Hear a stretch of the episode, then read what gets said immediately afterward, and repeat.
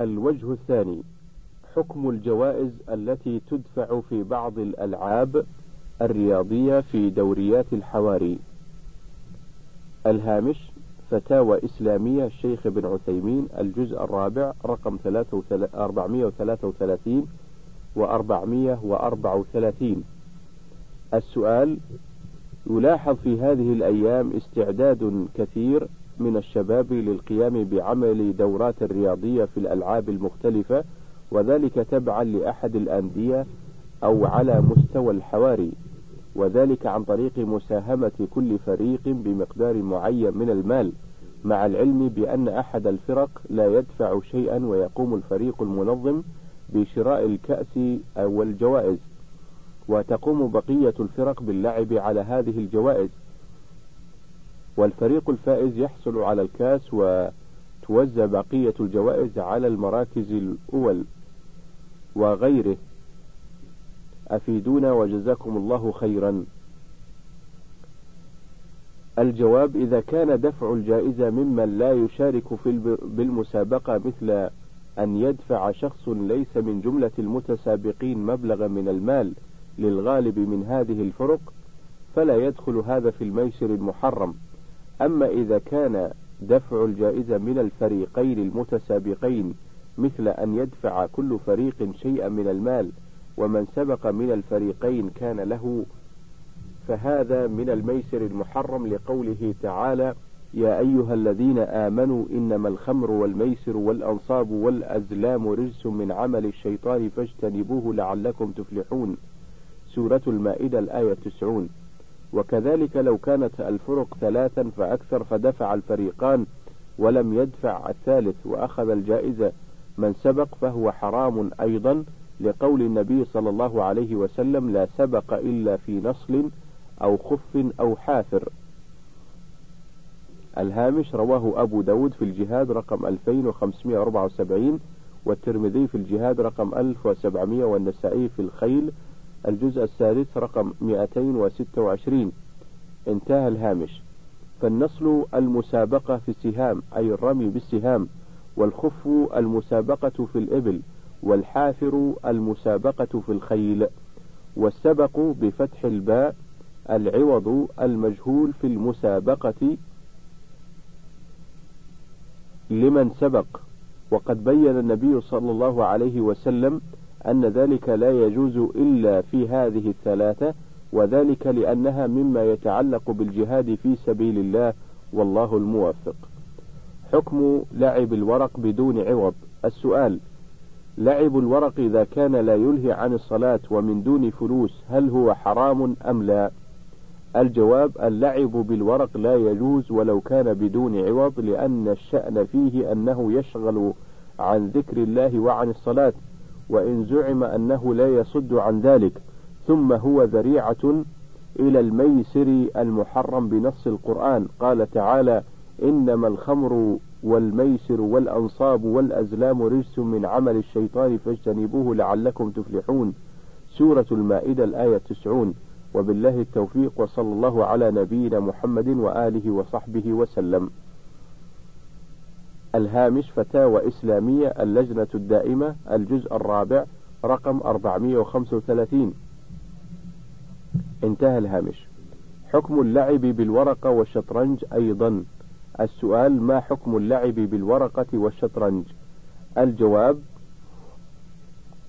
قد نص قد نص أهل العلم رحمهم الله أن اللعب بهما حرام كما ذكر ذلك مشايخنا.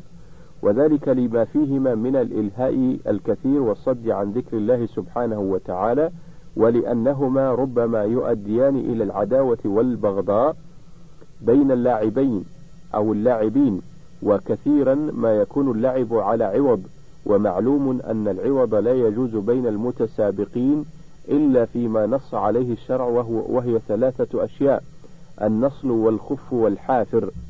ومن تأمل أحوال لاعبي الشطرنج والورقة تبين أنه قد ضاع عليهم أوقات كثيرة يمضونها في غير طاعة الله وفي غير الفائدة التي تعود عليهم في أمر دنياهم.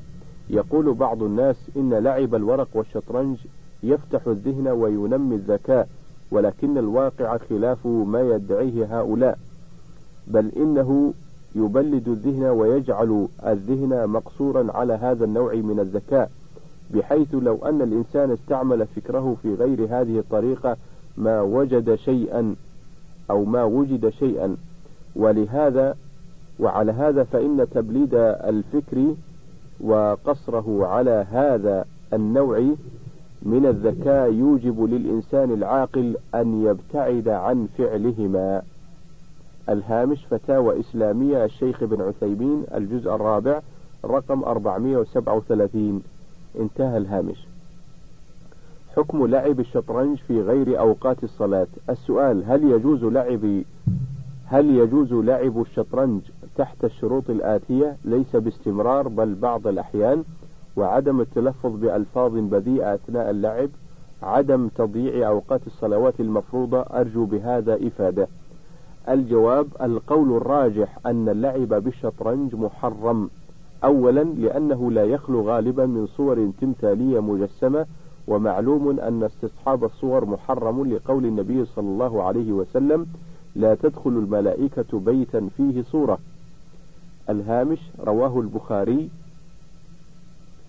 في بدء الخلق رقم ثلاثة آلاف ومئتين وستة وعشرين ومسلم في اللباس رقم خمسة وثمانين وألفين ومئة وستة.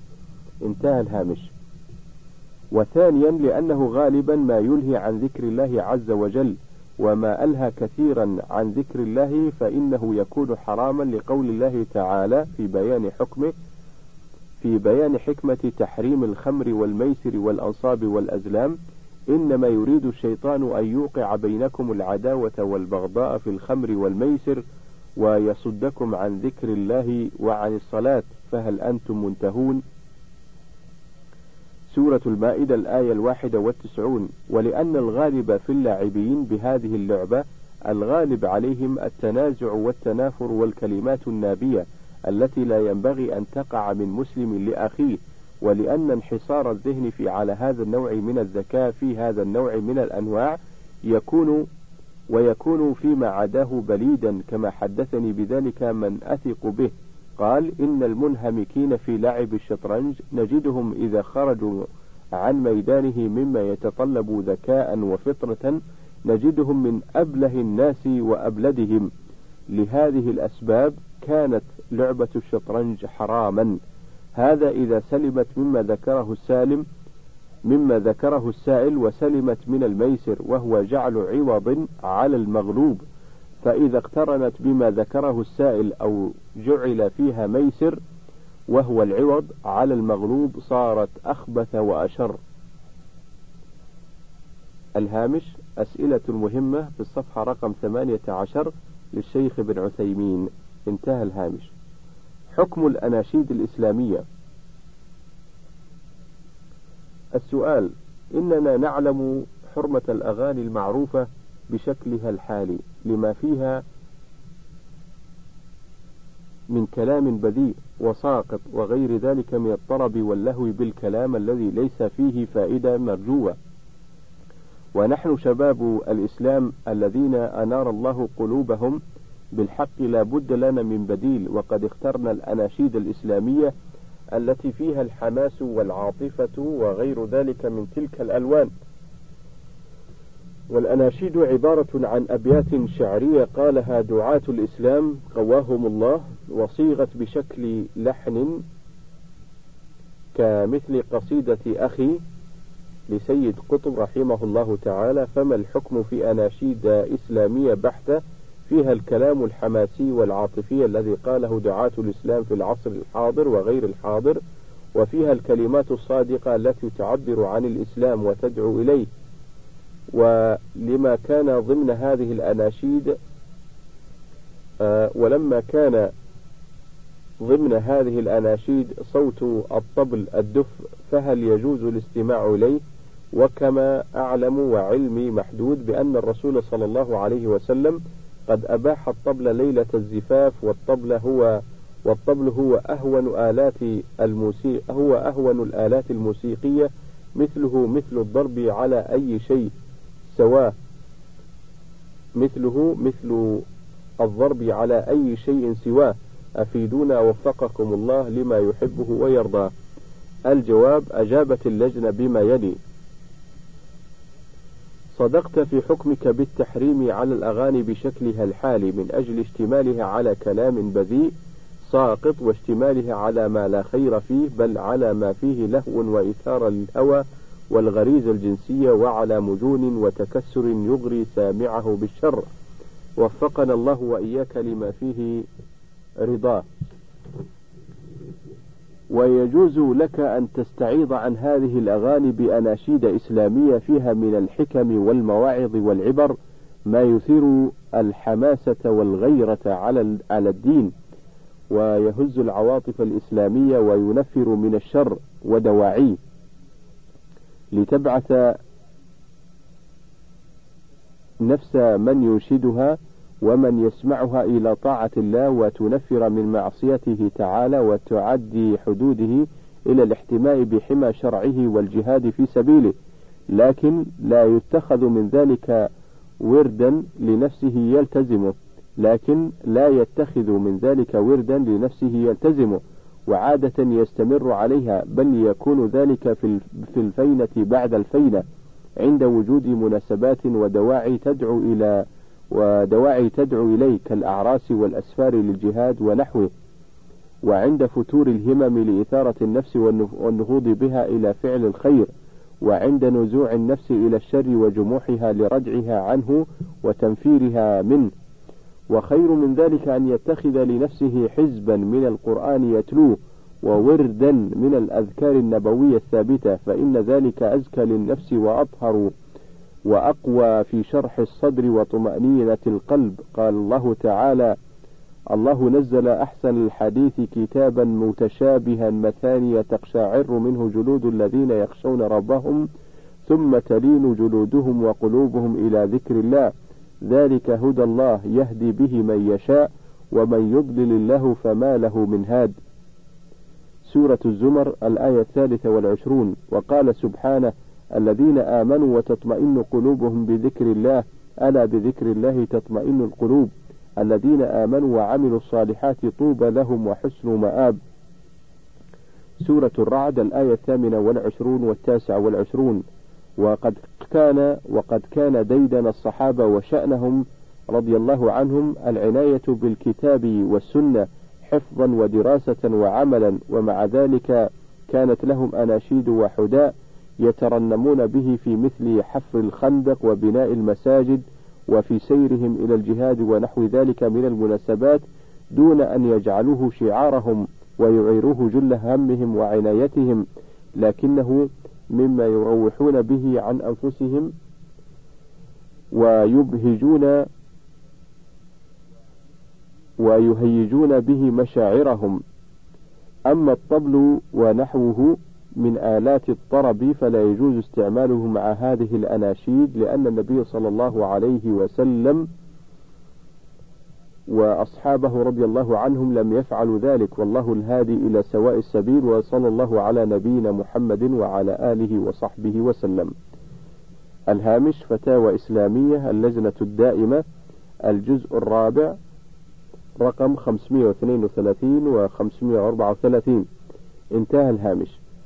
تعليق الجرس للأغنام. السؤال فضيلة الشيخ عبد الله بن جبرين حفظه الله ورعاه. السلام عليكم ورحمة الله وبركاته. وبعد أرجو الإجابة على سؤال التالي وهو أن الأغنام يوضع معها جرس وهذا الجرس كالعلامة للأغنام فهو فهي تمشي إذا مشى وترتع إذا رتع. المهم أن صوت هذا الجرس أو الأجراس توجه الأغنام وتربطها له حتى لا تذهب. فما حكم الشرع في آه، جواز تعليق الأجراس في رقاب الغنم التي تتبع الراعي الذي يرعى الغنم؟ جزاكم الله خيرا. وعليكم السلام ورحمة الله وبركاته. الجواب ورد الحديث بالنهي عن الجرس الذي يقصد الذي يقصد صوته الذي يقصد صوته للتلذذ والطرب والتنشيط في حديث لا تصحب الملائكة رفقة فيها جرس. الهامش رواه أبو داود في الجهاد رقم 2554 انتهى الهامش. فأما إذا كان القصد منه اتباع البهائم له وسيرهم تبعه فلا أرى به بأسا لما في ذلك من مصلحة اجتماع الأغنام وارتباطها بالراعي وعدم تفرقها ففي ذلك مصلحة كبيرة فإن استغنى عنه فهو أفضل إذا وجد ما يقوم مقامه من اتباعها لصوت الراعي أو سوقه لها ونحو ذلك والله أعلم. وصلى الله على محمد وآله وصحبه وسلم. الهامش فتوى للشيخ عبد الله بن جبرين فتوى للشيخ عبد الله بن عبد الرحمن الجبرين عضو الإفتاء وعليها توقيعه. انتهى الهامش. الرقى والطب والسحر والشعوذة. السحرة والمشعوذون. السؤال هناك فئة من الناس يعالجون بالطب الشعبي على حسب كلامهم. وحينما أتيت إلى أحدهم قال لي اكتب اسمك واسم والدتك ثم راجعنا غدا. وحينما يراجعهم الشخص يقولون له إنك مصاب بكذا وكذا وعلاجك كذا وكذا ويقول أحدهم إنه يستعمل كلام الله في العلاج. فما رأيكم في مثل هؤلاء؟ وما حكم الذهاب إليهم؟ الجواب من كان يعمل هذا الأمر في علاجه فهو دليل على أنه يستخدم الجن ويدعي علم المغيبات. أو المغيبات فلا يجوز العلاج عنده كما لا يجوز المجيء إليه ولا سؤاله. لقول النبي صلى الله عليه وسلم في هذا الجنس من الناس من أتى عرافا فسأله عن شيء لم تقبل له صلاة لم تقبل له صلاة أربعين ليلة. الهامش أخرجه مسلم في صحيحه في السلام رقم 2230 انتهى الهامش. وثبت عنه صلى الله عليه وسلم في عدة أحاديث النهي عن إتيان الكهان والعرافين والسحرة والنهي عن سؤالهم وتصديقهم وقال صلى الله عليه وسلم من أتى كاهنا فصدقه بما يقول فقد كفر بما أنزل على محمد صلى الله عليه وسلم. الهامش رواه أبو داود في الطب رقم ثلاثة آلاف وتسعمائة وأربعة والترمذي في الطهارة رقم 135 وابن ماجه في الطهارة رقم 639 وأحمد الجزء الثاني رقم 408 و 476 انتهى الهامش. وكل من يدعي علم الغيب باستعمال ضرب الحصى أو الودع أو التخطيط في الأرض أو سؤال المريض عن اسمه واسم أمه أو اسم أقاربه فكل ذلك دليل على أنه من العرافين والكه والكهان الذين نهى النبي صلى الله عليه وسلم عن سؤالهم وتصديقهم. فالجواب الحذر منهم ومن سؤالهم ومن العلاج عندهم وإن زعموا أنهم يعالجون بالقرآن لأن من عادة أهل الباطل التدليس والخداع فلا يجوز تصديقهم فيما يقولون. والواجب على من عرف أحدا منهم أن يرفع أمره إلى ولاة الأمر إلى ولاة الأمر من القضاة والأمراء ومراكز الهيئات في كل بلد حتى يحكم حتى يحكم عليهم بحكم الله وحتى يسلم المسلمون من شرهم وفسادهم وأكلهم أموال الناس بالباطل. والله المستعان ولا حول ولا قوة إلا بالله. الهامش الفتاوى كتاب الدعوة في الصفحتين الثانية والعشرين والثالثة والعشرين للشيخ بن باز رحمه الله. انتهى الهامش. علاج المشعوذين والمجهولين. بعض الناس إذا أصيب له مريض بالصرع يذهب به إلى بعض الأطباء العرب وهؤلاء يستحضرون وتصدر منهم حركات غريبة ويحجبون المريض فترة من الزمن ويقولون إنه مصاب بالجن أو مسحور ونحو ذلك. ويعالج هؤلاء المريض ويشفى وتدفع لهم الأموال مقابل ذلك فما الحكم في ذلك؟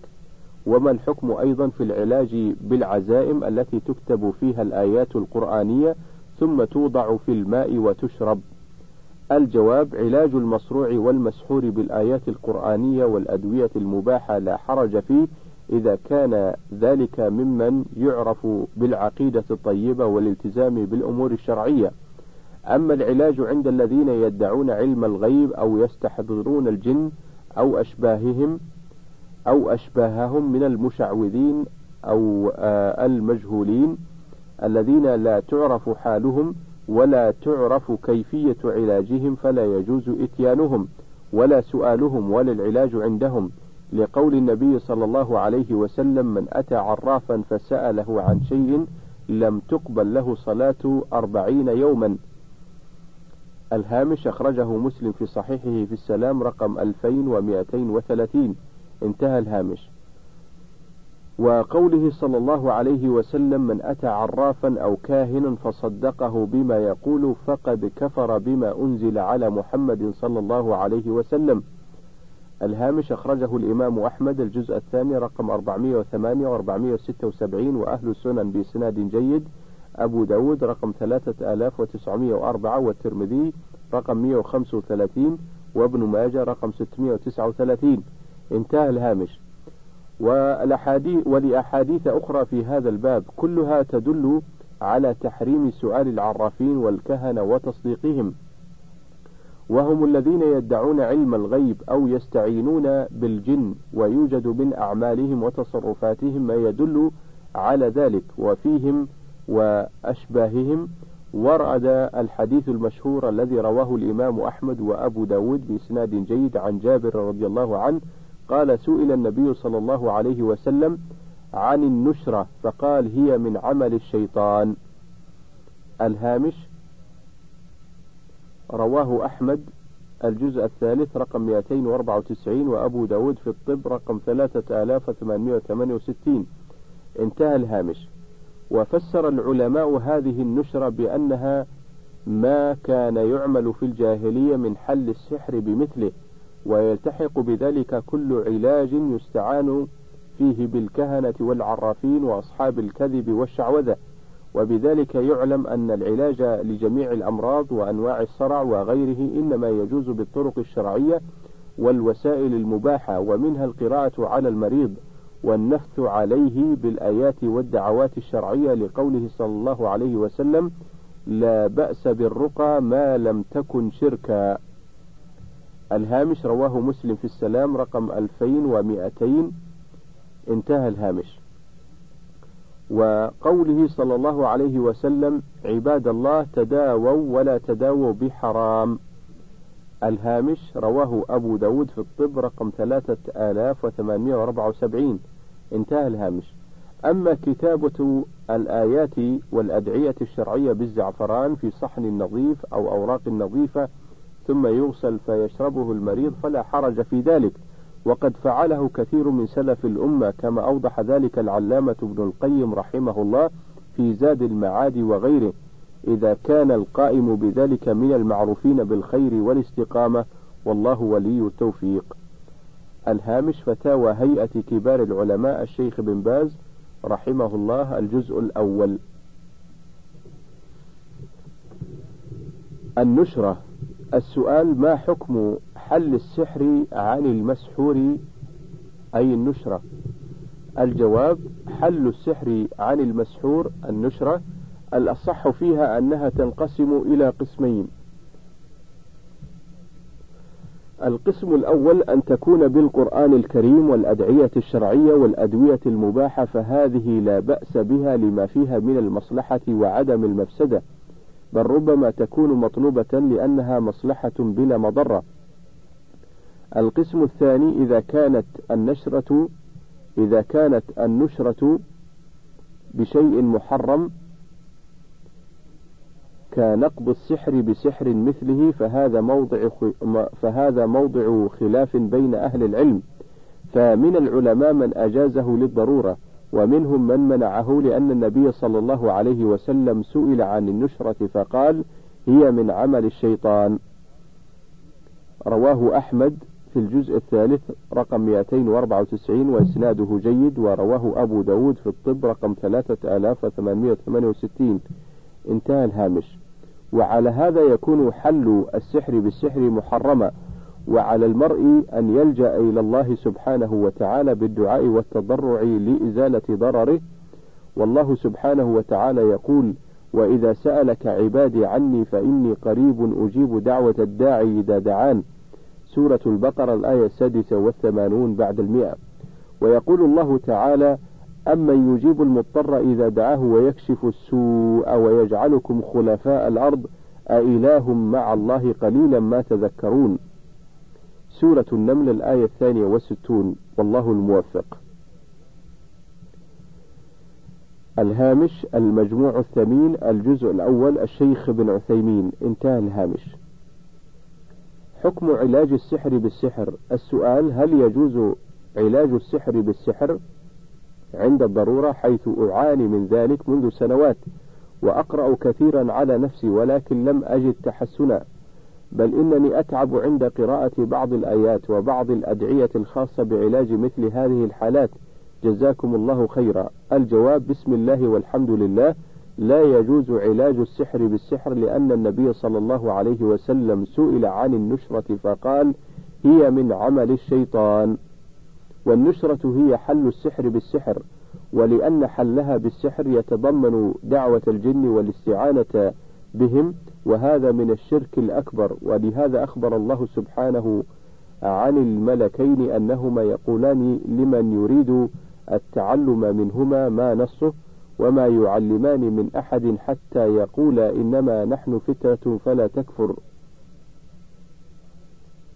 وقبلهما قوله تعالى واتبعوا واتبعوا ما تتلو الشياطين على ملك سليمان وما كفر سليمان ولكن الشياطين كفروا يعلمون الناس يعلمون الناس السحر وما أنزل على الملكين ببابل هاروت وماروت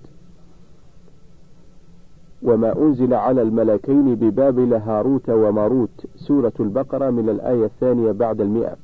ثم قال سبحانه وما يعلمان من أحد حتى يقولا إنما نحن فتنة فلا تكفر فيتعلمون منهما ما يفرقون به بين المرء وزوجه وما هم بضارين به من أحد إلا بإذن الله ويتعلمون ما يضرهم ولا ينفعهم ولقد علموا لمن اشتراه ما له في الآخرة من خلاق ولبئس ما شروا به أنفسهم لو كانوا يعلمون ولو أنهم آمنوا واتقوا لمثوبة من عند الله خير لو كانوا يعلمون.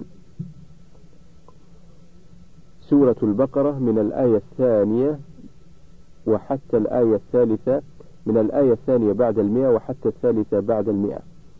وفي هاتين الآيتين تحذير من تعلم السحر وتعليمه من وجوه كثيرة منها أنه من عمل الشياطين ومنها أن تعلمه كفر ينافي الإيمان ومنها أنه قد يحصل به التفريق بين المرء وزوجه وهذا من أعظم الظلم والفساد في الأرض ومنها أنه لا يقع شيء من الضرر ولا غيره إلا بإذن الله والمراد بالإذن هنا الإذن الكوني القدري ومنها أن هذا التعلم يضرهم ولا ينفعهم ومنها أن من فعله ليس له عند الله من خلاق.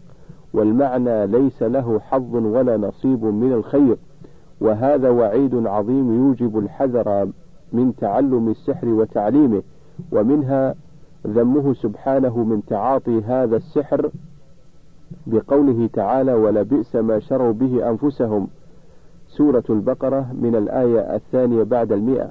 والمراد بالشراء هنا البيع ومنها إخباره سبحانه أن هذا العمل ينافي الإيمان والتقوى. وبهذه الوجوه يظهر لكل مسلم شدة تحريم تعلم السحر وتعليمه وكثرة ما فيه من الفساد والضرر وأنه مع هذا كفر بعد الإيمان وردة عن الإسلام.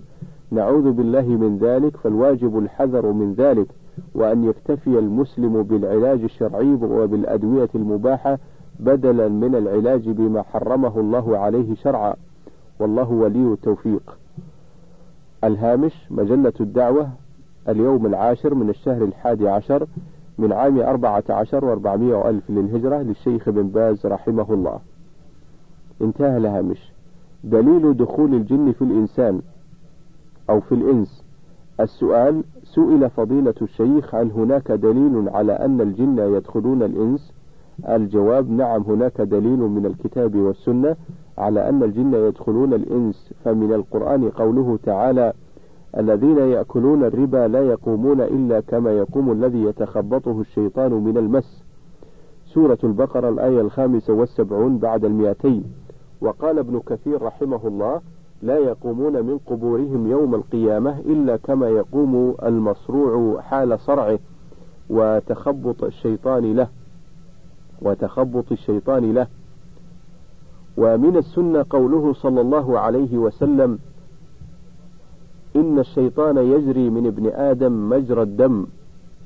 الهامش رواه البخاري في الاعتكاف رقم 2038 ومسلم في السلام رقم 2175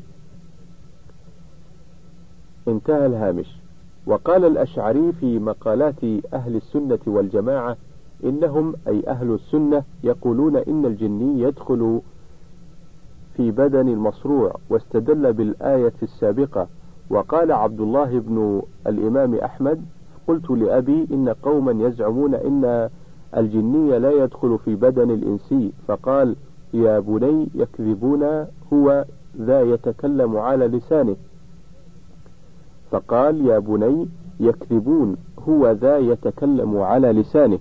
وقد جاءت أحاديث عن رسول الله صلى الله عليه وسلم رواها الإمام أحمد والبيهقي أنه أتي بصبي مجنون فجعل النبي صلى الله عليه وسلم يقول اخرج عدو الله اخرج عدو الله وفي بعض ألفاظه اخرج عدو الله أنا رسول الله. فبرأ الصبي الهامش. رواه الإمام أحمد في الجزء الرابع رقم 171 و 172 و 173 والحاكم في الجزء الثاني رقم 617 والبيهقي في الدلائل في الجزء السادس رقم 24 و 26 انتهى الهامش. فأنت ترى أن في هذه المسألة دليلا من القرآن الكريم ودليلين من السنة وأنه قول أهل السنة والجماعة وقول أئمة السلف والواقع يشهد به ومع هذا لا ننكر أن يكون للجنون سبب آخر من توتر الأعصاب واختلال المخ وغير ذلك. الهامش مجموع فتاوى ورسائل الشيخ ابن عثيمين الجزء الأول في الصفحتين الثالثة والتسعين والرابعة والتسعين بعد المئتين. انتهى الهامش. حكم من يكتب ما يسمى بالمحيات للناس في حالة مرضهم بسحر وغيره. السؤال عندنا في السودان بعض من الناس يعرفون بالمشايخ ويكتبون المحاية للناس إذا مرض الشخص أو أصابه سحر أو غير ذلك من الأمور الخرافية ما حكم من يتعامل معهم وما حكم عملهم وما حكم عملهم هذا الجواب إن الرقية على المريض المصاب بسحر أو بغيره من المرض لا بأس بها إن كانت من القرآن أو من الأدعية المباحة. فقد ثبت أن النبي صلى الله عليه وسلم كان يرقى أصحابه ومن جملة ما يرقاهم به رب ربنا الله الذي في السماء تقدس اسمك أمرك في السماء والأرض كما رحمتك في السماء فاجعل رحمتك في الأرض. أنزل رحمة من رحمتك واشفي من شفائك على هذا الوجع فيبرأ. الهامش رواه أبو داود في الطب رقم ثلاثة آلاف وثمانمائة واثنين وتسعين من حديث أبي الدرداء وأحمد من حديث أبي الدرداء ورواه أحمد في الجزء السادس رقم واحد وعشرين من حديث فضالة. انتهى الهامش. ومن الأدعية المشروعة بسم الله أرقيك من كل داء يؤذيك من شر كل نفس أو عين أو عين حاسد الله يشفيك. بسم الله أرقيك. الهامش رواه مسلم في السلام رقم 2186 انتهى الهامش. ومنها أن يضع الإنسان يده على الألم الذي يؤلمه من بدنه فيقول أعوذ بالله وعزته من شر ما أجد وأحاذر. الهامش رواه مسلم في السلام رقم 2202 انتهى الهامش. إلى غير ذلك مما ذكره أهل العلم من الأحاديث الواردة عن الرسول صلى الله عليه وسلم. وأما كتابة الآيات والأذكار وتعليقها فقد اختلف أهل العلم في ذلك فمنهم من أجازه ومنهم من منعه والأقرب المنع من ذلك. لأن هذا لم يرد عن النبي صلى الله عليه وسلم وإنما الوارد أن يقرأ أن يقرأ على المريض. أما أن آه، تعلق الآيات أو الأدعية على المريض في عنقه أو تحت وسادته وما أشبه ذلك فإن ذلك من الأمور الممنوعة على القول الراجح لعدم ورودها وكل إنسان يجعل من الأمور سببا لأمر آخر بغير إذن من الشرع فإن عمله هذا يعد نوعا من الشرك لأنه إثبات سبب لم يجعله الله سببا. هذا بقطع النظر عن حال هؤلاء المشايخ فلا ندري فلعل هؤلاء المشايخ من المشعوذين الذين يكتبون أشياء منكرة وأشياء محرمة فإن ذلك لا شك في تحريمه. ولهذا قال أهل العلم لا بأس بالرقى بشرط أن تكون معلومة خالية من الشرك. الهامش فتاوى العقيدة في الصفحتين التاسعة والعاشرة بعد الثلاثمائة الشيخ ابن عثيمين. أيضا هذا الكلام يرجع فيه إلى كتاب النذير العريان لتحذير لتحذير المرضى والمعالجين بالرقى والقرآن لفتح ابن فتح الجندي للاستزادة. انتهى الهامش. تأثير الجن وطرق وطرق الوقاية منهم. تأثير الجن وطرق الوقاية منهم. السؤال هل للجن تأثير على الإنسان؟ هل للجن تأثير على الإنس؟ وما طرق أو وما طريق الوقاية منهم؟ الجواب لا شك أن الجن لهم تأثير على الإنس بالأذية التي قد تصل إلى القتل. وربما يؤذونه برمي الحجارة وربما يروعون الإنسان إلى غير ذلك من الأشياء التي ثبتت بها السنة ودل عليها الواقع. فقد ثبت أن الرسول صلى الله عليه وسلم أذن لبعض أصحابه أن يذهب إلى أهله في إحدى الغزوات وأظنها غزوة الخندق وأظنها غزوة الخندق وكان شابا حديث عهد بعرس. فلما وصل إلى بيته وإذا امرأته على الباب فأنكر عليها ذلك فقالت له ادخل فدخل فإذا حية ملتوية على الفراش وكان معه رمح فوخزها بالرمح حتى ماتت. وفي الحال أي الزمن الذي ماتت فيه الحية مات الرجل فلا يدرى أيهما أسبق موتا الحية أم الرجل؟ فلما بلغ ذلك النبي صلى الله عليه وسلم نهى عن قتل الحيات التي تكون في البيوت إلا الأبتر وذا الطفيتين وهذا دليل على أن الجن قد يعتدون على الإنس قد يعتدون على الإنس وأنهم يؤذونهم. كما أن الواقع شاهد بذلك فإنه قد تواترت الأخبار واستفاضت بأن الإنسان قد يأتي إلى الخربة فيرمى بالحجارة وهو لا يرى أحدا من الإنس في هذه الخربة وقد يسمع أصواتا وقد يسمع حفيفا كحفيف الأشجار وما أشبه ذلك مما يستوحش به ويتأذى به. وكذلك أيضا قد يدخل الجني إلى, جس إلى جسد الآدمي إما بعشق أو لقصد الإيذاء أو لسبب آخر من الأسباب. ويشير إلى هذا قوله تعالى الذين يأكلون الربا لا يقومون إلا كما يقوم الذي يتخبطه الشيطان من المس. سورة البقرة الآية الخامسة والسبعون بعد المئتين. وفي هذا النوع قد يتحدث الجني من باطل الإنسي من باطن الإنسي نفسه ويخاطب من يقرأ عليه آيات من القرآن الكريم وربما يأخذ القارئ عليه عهدا ألا يعود إلى إلى غير ذلك من وربما يأخذ القارئ عليه عهدا ألا يعود إلى غير ذلك من الأمور الكثيرة التي استفاضت بها الأخبار وانتشرت بين الناس. وعلى هذا فإن الوقاية المانعة من شر الجن أن يقرأ الإنسان على ما جاءت به ما جاءت به السنة مما يتحصن به منهم.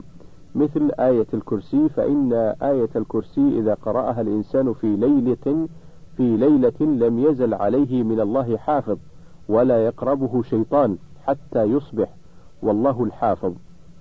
الهامش فتوى أو فتاوى العقيدة الشيخ ابن عثيمين في الصفحتين الثانية والخمسين والثالثة والخمسين بعد الثلاثمائة. انتهى الهامش. حقيقة السحر. السؤال هل للسحر حقيقة؟ وهل سحر النبي صلى الله عليه وسلم؟ الجواب السحر ثابت ولا مرية فيه وهو حقيقة وذلك بدلالة القرآن الكريم والسنة. أما القرآن الكريم فإن الله تعالى ذكر عن سحرة فرعون الذين ألقوا حبالهم وعصيهم وسحروا أعين الناس واسترهبوهم حتى إن موسى عليه الصلاة والسلام كان يخيل إليه من سحرهم أنها تسعى وحتى إنه أوجس في نفسه خيفة. فأمره الله تعالى أن يلقي عصاه فألقاها فإذا حية تسعى فإذا هي حية تسعى تلقف ما يأفكون ما يأفكون وهذا أمر لا إشكال فيه. وأما السنة ففيها أحاديث متعددة في ثبوت السحر وتأثيره. وأما النبي عليه الصلاة والسلام سحر فنعم فقد ثبت من حديث عائشة وغيرها أن النبي صلى الله عليه وسلم سحر وأنه كان يخيل إليه أنه أتى الشيء وهو لم يأته. ولكن الله تعالى أنزل عليه سورتي قل أعوذ برب الفلق وقل أعوذ برب الناس فشفاه الله بهما. الهامش رواه البخاري في الطب رقم خمسة آلاف وسبعمائة وثلاثة وستين ومسلم في السلام رقم ألفين ومائة وتسعة وثمانين. الهامش أيضا فتاوى العقيدة الشيخ ابن عثيمين في الصفحة رقم 329 انتهى الهامش وبهذا ينتهي الشريط التاسع عشر وننتقل إلى الشريط العشرين.